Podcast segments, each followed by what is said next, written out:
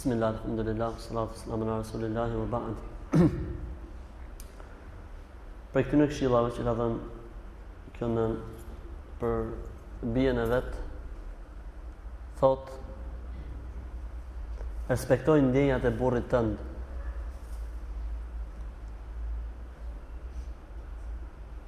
dhe duaj ato gjëra që burri jot i do.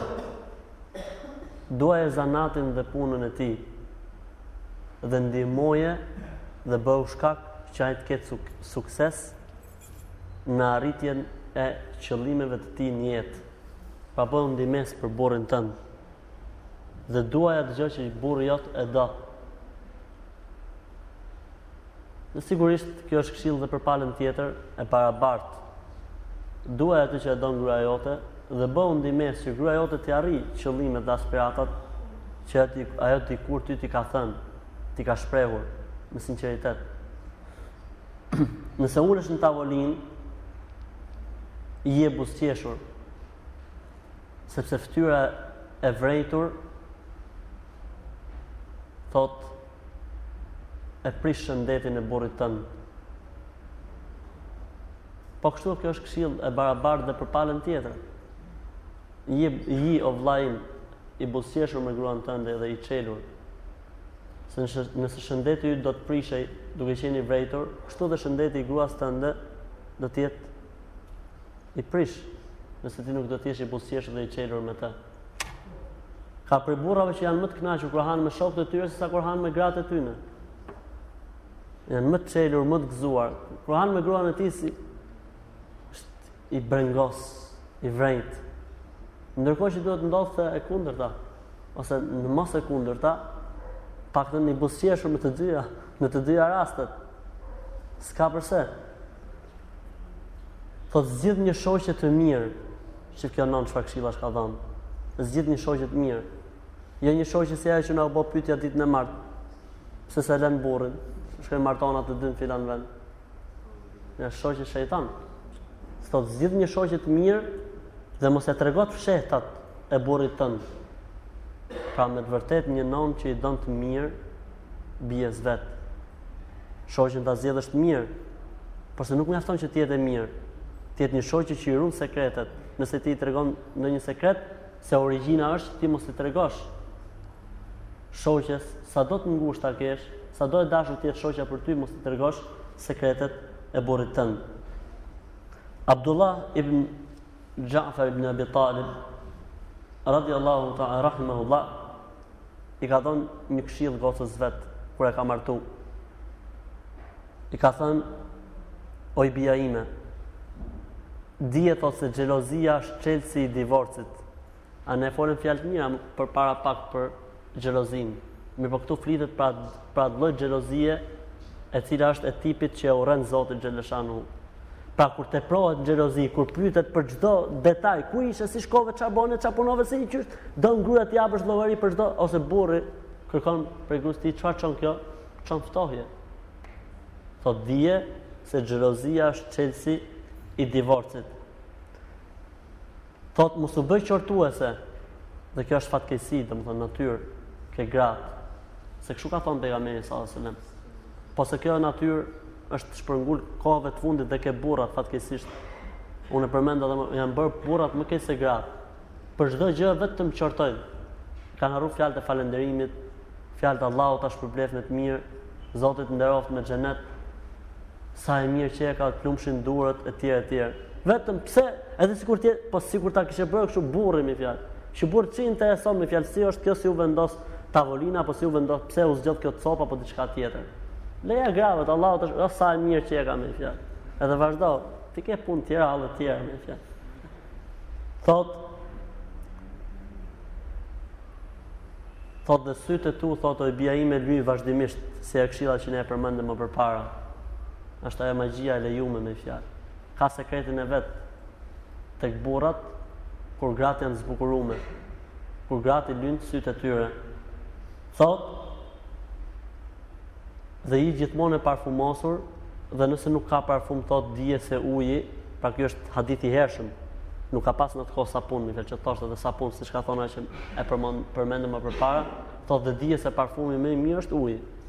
Kur nuk ka parfum, s'ka mundsi burri me të ble parfum ose nuk ke ti mundësi me ble parfum, atëherë pastrohu me ujë. Dhe kjo është mirësi që na ka dhënë Zoti xhaleshanuhu neve muslimanëve. Ndërsa një nonë i thot bijës vet, thot o bija ime, thot ti po fillon, thot një jetë të re ku nuk ka vend, thot për babën, as për nonën, as për vllajn tënd. Sigurisht kjo nonë nuk ka pas për qëllim me i nxjerr jashtë tefterit, anëtarët e tjerë të familjes që ka pas. Por se ka pas për qëllim se çështja kryesore për gruan kur martohet është burri i saj. Siç thotë Shejhul Islam Ibn Tejmije, nëse martohet gruaja, të gjitha drejtat që i ka pas për burrin për babën e vet i kalojnë kujt burrit vet. Pra nderimi, respekti, të drejtat ndaj karshi babës, të gjitha edhe nonës vet, gjitha këto i kalojnë kujt burrit vet. Siç kemi përmend argumentet domethën në mësimin kur kemi fol pikërisht për këtë çështje. Thot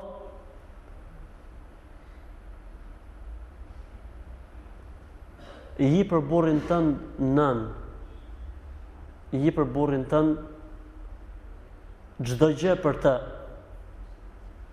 Do të them thot një fjalë oj bija ime dhe mos e harro. Burri thot është fëmijë i madh. Burri është fëmijë i madh. Kjo është një sekret. Thot një fjalë e vogël e mirë thot e kënaq dhe e lumturon atë. Pra subhanallah, sa të kujdesshme duhet të jenë gratë me burrat. Me një fjalë të mirë, një gabim mund të ketë bërë problem, me një fjalë të mirë, me buzëqeshje, alhamdulillah, kalon çdo gjë mirë. Dhe njëkohësisht, ne themi fjalë që gruaja është fëmijë e vogël. Burri mundet me një fjalë të mirë, me një fjalë komplet problemin ta kthej në gëzim, në lumturi, edhe mos të ketë probleme inshallahu taala. Thot ji ose sillu me këshill për burrat kjo me gruan tënde ashtu siç është sjell pejgamberi sallallahu alaihi wasallam me gratë e tij Thot Omeri radiallahu ta'ala anhu, thot në xhahilijet, thot, si i bëshim gratë zap, s'i lejshim me marrë frymë, thot. Kur erdhi islami, thot, fillun të na mundin gratë. Na kundërshtonin, jo ke të drejtë, s'ke të drejtë, thot, edhe njëherë, thot, u zina me grun time, thot. Edhe më thot gruja, mendo kujt po i fliste gruja, më gjela Omerit, pa po mas islamit, sigurisht. Thot, e di çke, thot, pse me të mos kundërshtoj, thot, Ata kanë qenë gratë e pejgamberit sallallahu alajhi wasallam thotë e kanë kundërshtuar pejgamberin sallallahu alajhi wasallam. Madje thotë ndonjëna prej tyre nuk i fliste pejgamberit thotë deri në darkët. O thotë Omer, edhe këtë llafe the thotë shkon tek nusja e pejgamberit tek bija e tij Hafsa radhiyallahu ta'ala anha.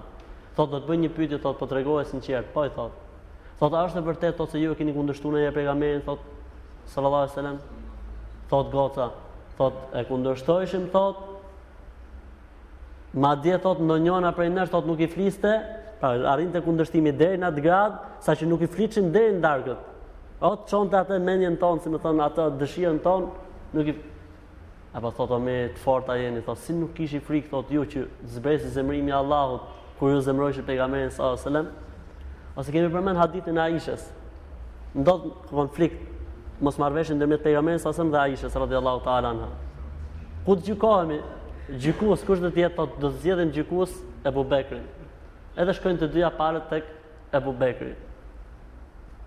Thot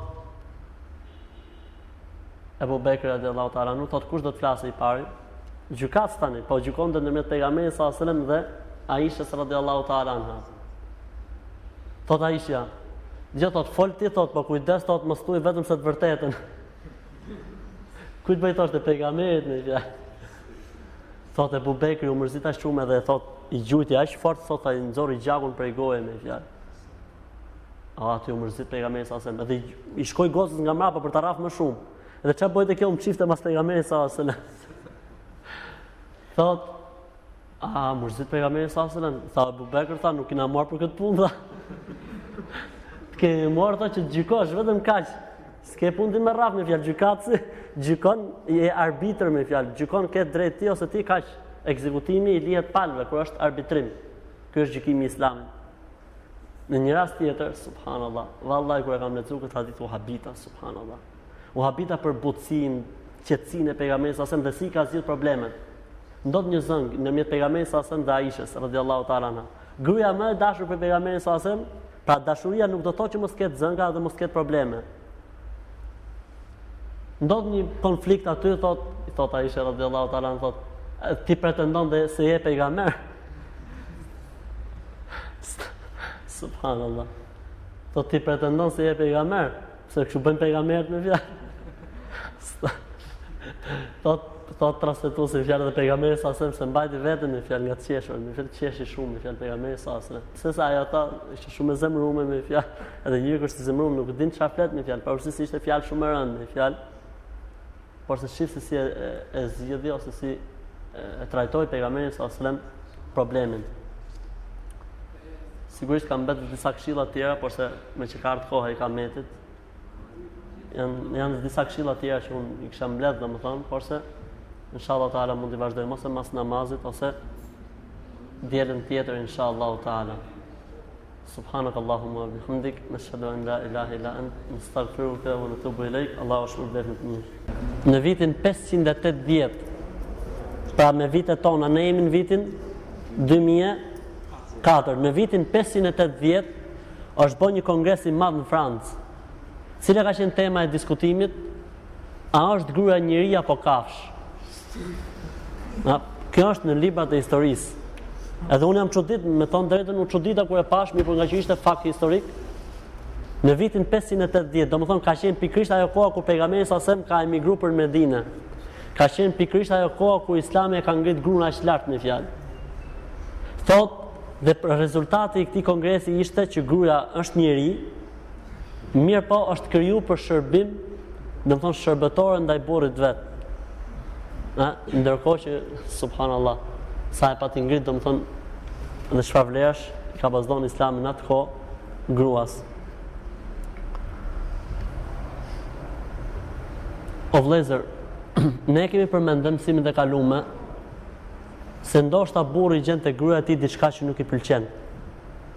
Dhe pejgamberi sa selam ka thonë mos të mërzitet ose nuk ka pse të hidhrohet ose të zemërohet burri pse gjen ke gruaja e tij diçka që nuk i pëlqen. Po kështu edhe e kundërta. E kanë pyet Osman e Nesaburin rahimahullah. I kan thon çfar pune ke bë ti që mendon se ka shpërblimin më të madh tek Zoti prej veprave tua që ke bë gjatë jetës tënde. Thot, un mendoj thot se kam bën një vepër që është Shumë e dashur tek Zoti dhe ka shumë shpërblim tek Zoti kjo vepër që do ta them më poshtë. Thot kam qenë thot në fuqinë e rinisë, domethënë i fortë.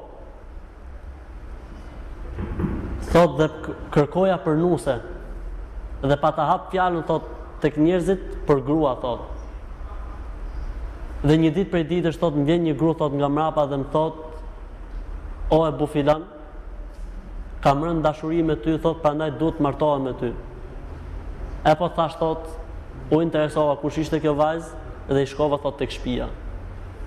Kishte një familje, thot, të varfër në kulmit, për tokë fare. Dhe ja kërkova dorën e vajzës t'jatit t'saj, thot, ai i jati u çudit. Mirëpo edhe iu bo shumë qefi, tha. Thot dhe u martova, thot. Kaq thot edhe e mora këtë gru n'shpi. Kur e kam pa, thot, notën e martesës grunë, thot. Të qifë. Shef majtas, mirëpo, është duke pa djathas. Ha? Syl, syl se. Thot, ishte topalle. Ha? Jo, miope është gjo tjetër. Nëse s'ka problem. Thot ishte që shifte shtremtë. Ishte thot topalle, edhe ishte thot shumë e shëmtume. Ça më bo thot? Problemi mo i modh thot është se s'm'lejte me dal prej shpije, ishte shumë xheloze. Thot sa herë dojsha me dalë prej shpi, thot mos del ku po shkon, ça ke, ça, ça halli ke. Thot dhe kur kom nejt me të thot kom jetu sikur me jetu në prush thot.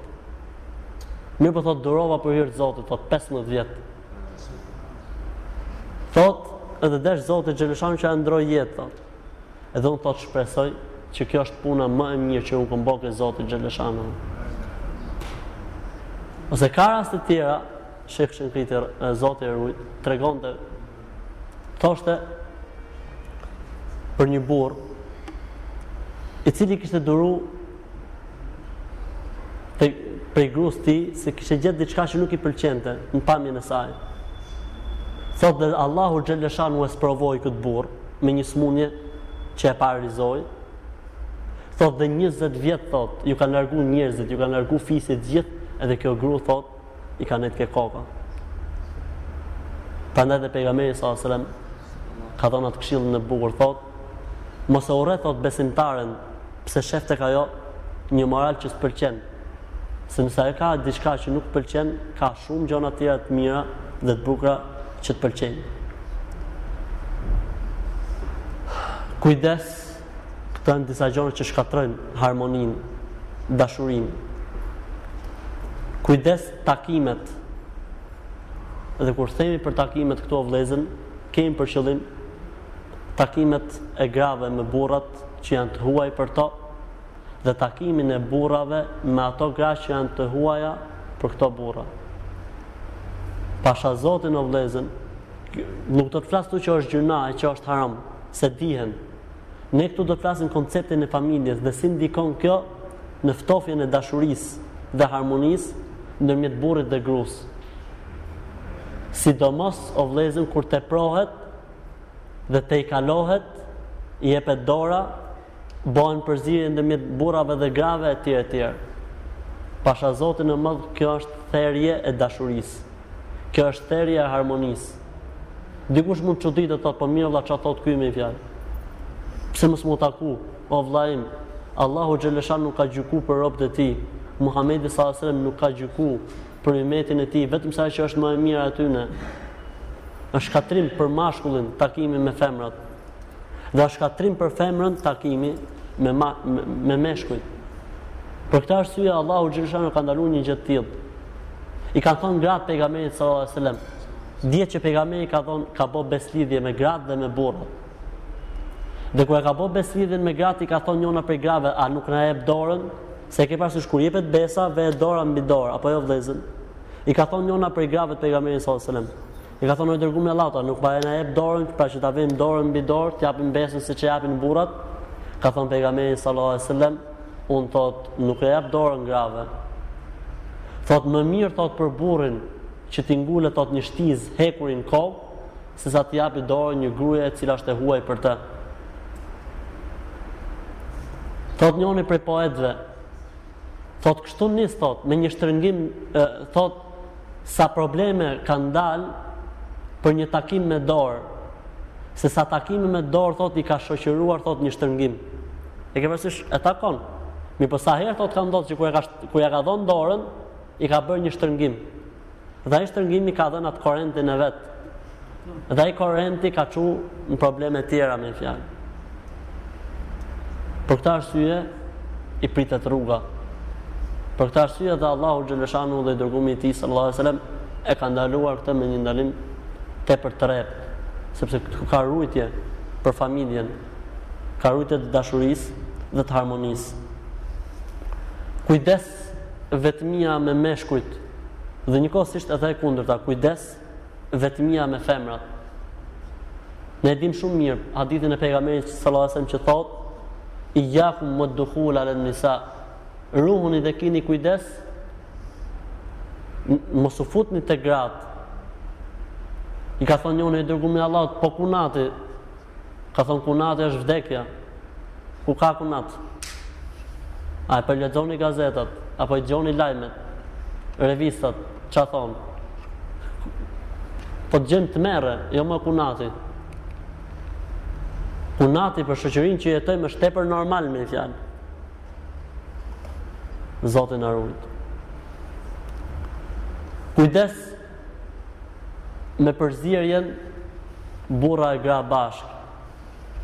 Dikush çuditet, thotë, po mirë vëlla, si do i mbyllim gratë? Ku është mbyllja mo vëlla? Pse kur ti e përzin grun tate me burrat e huj, do të thotë se i ke dhonë liri me i fjalë? Po o i shkret, i ke dhonë liri grus tate, por se ke fut në burg veten tate. Ç'e do atë liri me i fjalë? Kështu që më mirë është ajo që ka thonë Zoti xhelleshanuhu, më e mira është ajo që ka udhëzuar Muhamedi sallallahu aleyhi wasallam. Kujdes shoqërinë e burrit tënd, është këshillë. Kujdes shoqërinë e burrit tënd. Në sa raste o vllezër dimë ne, gjithsecilin po të pysësh tash, a di noj rast që ka qenë shoku burrit, edhe ka përfundur i vllai burrit në shtrat, Vallahi bilahi shumë raste ka qenë shok i burrit, shok i ngushtë i burrit, e ka morë burri, e ka prezantu me, me grunë e vet, e ka sjellë në shpi një herë, dy herë, tre herë, dhe e ka vazhdu vetë shoku burrit punën. E ka gjetë burri shokun e vet me grunë e vet me një fjalë. Prandaj dhe Islami i ka pre rrugën. I ka pre rrugën në mnyrë që mos thot pastaj e vrau, bravo i qoftë. Ai ishte burrë, e gjeti grunë me shokun e vet dhe e vrau. Ai turp të ketë s'është burrë. Se të ishte burrë ai nuk e njifte grunë e vet me shokun e vet. Pra ai s'është burrë, është mashkull, s'është burrë. Ë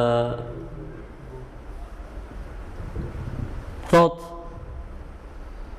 Shurejh el Kadi Ka taku një ditë Shabijun Shurejh el-Qadhi ka qenë gjykatës i njohur.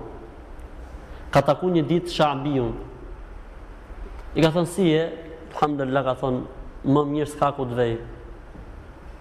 Ka thonë si po e kalon? Ka thonë shumë mirë. Ka thonë Allahu xhelleshanuhu m'ka dhonë një gru thot s'ka më e mirë se sa ajo gru. Por çfarë ka ndodh me një fjalë? Thot kur jam martu thot natën e parë Se ne përmendëm gjona shumë negative të përmendim ca gjona të bukura. Thot kur jam martu notën e parë thot me grun time thot fala dy rekat namaz. Dhe kur dhash selam thot pash se edhe gruaja ime thot ishte fal mas meje. Masi u largun njerëzit thot shkova ke gruaja ime thot dhe i zgjata durët. Më tha gruaja thot prit. Çka bova ki? Edhe thot Mban gruaja një ligjëratë. Çfarë thotë gruaja? Thotë elhamdulillah. Nahmeduhu wa nasta'inuhu. Wa usalli wa usallim ala Abdillahi wa rasulihi. Thotë e falënderoj Allahun xhelleshanuhu të vetmin pa shok. Atij thotë i kërkoj ndihmë dhe atij i kërkoj falje. Paqja, mëshira, begatia dhe mirësia e Allahut xhelleshanuhu qofshin thotë mbi të dashtin e tij dhe dërguarin e tij Muhammedin alayhis salam. Emma ba'd thot en vijim thot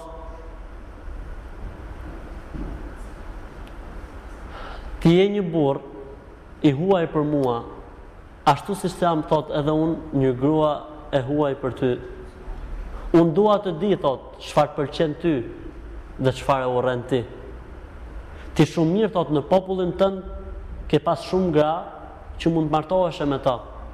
Dhe unë thotë shumë mirë në popullin tim, kam pas shumë burra që mund të martohesha me ta.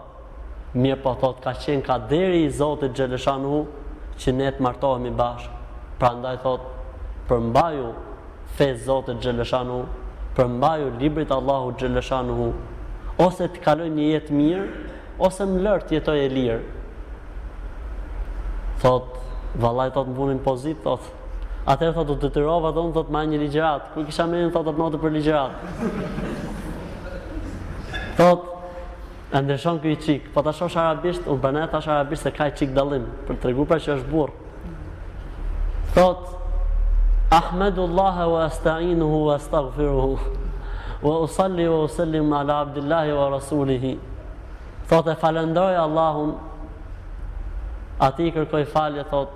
Dhe atij i kërkoj ndihmë. Çoj paqe dhe mëshirë dhe begati dhe mirësi, kërkoj Allahut paqe, mëshirë, begati dhe mirësi, thotë mbi të dashurin e tij dhe dërguarin e tij Muhammedin sallallahu alejhi ve sellem. Në vijim thotë, Emma ba'd. Thotë oj gru, thotë, ke thonë shumë gjona të mira, thotë, porse ta di, thotë, ta dish, nëse i përmbahesh, Vallaj thot do të kesh lumturi, ama nëse nuk i përmbahesh thot llafeve që po thu thot, do ti kesh barr ditën e gjykimit përpara Allahut xheleshanuhu. Thot, edhe u mjaftova me kaq, ajo thot më pyeti, më trego thot, kush janë njerëzit që ti i urren që edhe unë ti urrej? Kush janë njerëzit që ti i do që edhe unë ti du? Kujt do që ti hap derën dhe kujt do që nuk dhe kujt do që mos ti hap derën? Dhe i thashë thotë, filan njerëz janë njerëz të mirë dhe filan njerëz janë njerëz të këqij. Këto i du dhe këto nuk i du dhe i bona gjonat e qarta. I tregova thotë se çfarë më pëlqen prej sjelljeve dhe çfarë nuk më pëlqen. Më pyeti thotë, si do ti thotë që të jetë sjellja e familjes time me ty, a do të vizitojnë shpesh apo jo? Thotë, s'i kam qejf hiç. Unë po bëj përshtatje shqip, si ka fol domthon. Thot Po sa më rralla është më mirë me një fjalë. Thot Kur shkoj thot një dite mas një viti për në gjykat, takoj një plakë. Thot tha më, thot o filan, o, thot m'u kujtu që ishte vjehrra ime. Pra nona nuses, pra me të vërtet nusja e kishte çuar amanetin dhe dëshirën e burrit vet. As nona vet me fjalë mas një viti. E kunetrit, e kështu me radhë. Thot hë mër bir, thot si e gjete nusen. Thot vallaj, thot s'ka nuse më të mirë se ajo. Allahu ua shpërbleft, thot juve që e keni eduku e tjera e tjera. Thot, kam kalu, thot sot, Pra që po bënte muhabet me Shabiun, thot njëzet vjet thot, njëzet vjet dhe s'kam gjet thot te gruaja ime thot diçka që e kam urryer. Vetëm një rast thot, edhe ai rast thot e kam pas unë fajin.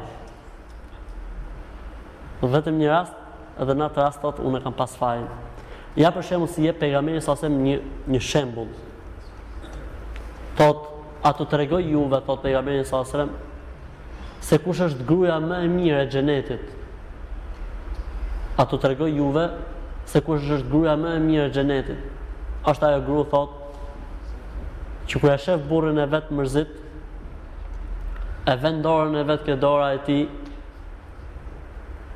Edhe thot vallahi unë nuk do ta heq dorën derisa ti të gëzohesh. Ha, ky është një shembull që jep kush pejgamberi sallallahu alajhi wasallam. Dhe njëkohësisht ky është një shembull që do të jetë dhe e kundërta me fjalë. Do ta mbyllim inshallah taala me dy pika. E fundit fare thot një Nezmi Luka është shkrimtar i krishter arab ka fol për thot ka bën një libër ky thot jeta intime e Muhamedit sallallahu alaihi wasallam ky ka urry me fjalë qafir mirëpo kur ka lexu historinë e pejgamberit sa sem ka mbet i mahnit ka bërë disa kapituj të veçantë për për si më thënë harmoninë dhe dashurinë që ka ekzistu ndërmjet pejgamberit sallallahu alajhi wasallam dhe respektin nderin ndërmjet tij dhe grave të tij. Thot nuk besoj thot subhanallah thot nuk besoj thot se ka burrë në botë që ia run thot të drejtat dhe dashurinë dhe respektin gruas tij ashtu siç ja ka rujt Ky burrë thot Muhamedi grave të tij. Nuk ka regjistru thot historia e njerëzimit burrë si ky. Edhe jep disa shembuj. Thot kur kapen rob njonin prej dhëndurve të pejgamberit sa sem, i cili ishte mohus. Gruja e tij, ish gruja e tij, goca pejgamberit sa sem, kishte dashuri për burrin e vet, dhe shpresonte që ai të kthehej në islam, mirëpo ishte nda, Se ishte qafir, kjo ishte muslimane dhe s'lejohet që një muslimane të martohet me qafirin. Mirëpo kishte shpresë, goca që ai të kthehej prap në islam. Edhe nëpërmjet dikujt i çon burrit vet disa bizhuteri të Hadixhes. Radiallahu anha. Hadixha kush ishte? Gruja e parë e pejgamberit sallallahu alejhi sellem. Thot dhe kur i solli ky robi i luftës Këto bizhuteri si shpagim për ta liru nga robëria, ia pranoi menjëherë pejgamberi sa sem dhe e liroi nga robëria. Thot nëse ky është argument thot dhe është fakt, është fakt i respektit që ka pas gëzu kjo gru ke ky burrë. Thot një fakt tjetër thot, Pejgamberi thot, ai nuk thot pejgamberi, thot Muhamedi thot, nuk është martu thot me gru të dytë derisa i vdiq Hadixha. Thot dhe argument tjetër thot nuk ka leju kurrë që ndonjë prej grave të tjera thot të flasi kundra saj ose thot që është më e mirë se sa ajo dhe jep atë hadithin ku Aisha ka thonë që Unë kam qenë beqare, gruaja më e mirë për ty etj etj. Thotë pejgamberi sallallahu alajhi wasallam, vendin e Hadixhes nuk e zën askush. Thotë dhe një fakt tjetër thotë mas vdekjes Hadixhes thotë, ai i runte lidhjet me shoqërinë e Hadixhes. Thotë që ne jo që mas vdekjes grave tona me fjalë po edhe kur janë gjallë gratë me fjalë s'na bie mendja për shoqet e grave tona me fjalë. Ky ishte një qafir me fjalë. E pika e fundit fare, kujdes dhe ruhu nga përngjasimi me gjininë tjetër. Sigurisht pejgamberi sa sem ka thon i ka mallkua Allahu xheleshanu ato meshkuj që i përngjasen grave dhe ato gra që i përngjasen meshkujve. Por se subhanallah Nëse njeriu do të lexojë librat e mjekësisë në lidhje me këtë çështje. Kan thonë që njeriu kur lind fëmija i vogël me fjalë paska një lloj stabiliteti në hormone dhe më vonë me rritjen e fëmijës nëse është mashkull dhe e ndihmon ambienti i shtohen hormonet mashkullore. Dhe nëse është femër dhe e ndihmon ambienti, i shtohen hormonet femërore. Kan thon, ambienti dhe natyra e njeriut ndikon shumë tek hormonet e njeriut në shtimin dhe pakësimin e tyre. Nëse njeriu rritet ose e ushqen veten e tij me idenë si femër, thotë, shtohen tek ai hormonet e gjinisë femërore. E sipas asaj thotë njeriut ndodh mas një kohe që ndodhin deformime dhe në trupin e tij. Dhe e njëjta gjë, pra këtë e kam lexu, domethënë thotë ndodh edhe me femrat, me vajzat, nëse rriten me një natyrë ku i mëson ambienti si si djem apo si meshkuj, thotë i humbet. Edhe pakësohen tek femra çfarë hormonet e, femërore dhe shtohen hormonet mashkullore dhe i humbet cilësitë dhe virtytet e femrës. Pse e them këtë? O vllezën, Allahu xheleshanuhu i ka kriju njerëzit në një natyrë. Femrat kanë natyrën e butësisë, kanë atë natyrën e përkëdheljes, kanë natyrën e qetësisë, ndërsa burrat kanë natyrën e personalitetit, dinjitetit, logjikës së shëndoshë, kanë atë që quhet burrni, kanë ashpërsi. Kjo e ka dallu burrin nga gruaja. Gjithashtu, janë disa rroba, disa vese, disa gjona që janë të veçanta për një gjini. Dhe nuk lejohet që të bëhen ose t'i veprojë gjinia tjetër. Jo vetëm për faktin se është në mallkim, futet në mallkim, porse çrregullon kjo edhe trupin dhe ë gjendjen e njeriut, domethënë njeriu shkatërrohet si njeri Zoti na ruaj. Edhe një burrë që është i tillë nuk mund të jetë më i aftë për gra, dhe një grua që është e tillë nuk mund të jetë më e aftë për burra. Ftohet. Edhe nëse martohet, është i ftohtë si njeri Zoti na ruaj. Flas këtu kur njeriu bëhet shkak dhe kur ambienti bëhet shkak. Ka njerëz që Zoti i ka sprovu, Nuk ka prej femrave që hormonet mashkull tek ato janë më shumë. Kjo është problem tjetër dhe zgjidhet me mjekësi. Dhe ka prej meshkujve që hormonet femër tek ai janë më shumë. Ose janë me diferencë shumë të vogël. Kjo është problem mjekësie dhe zgjidhet elhamdulillah. Porse flas për atë rastin, domethënë ku burri duhet të ruajë natyrën e tij.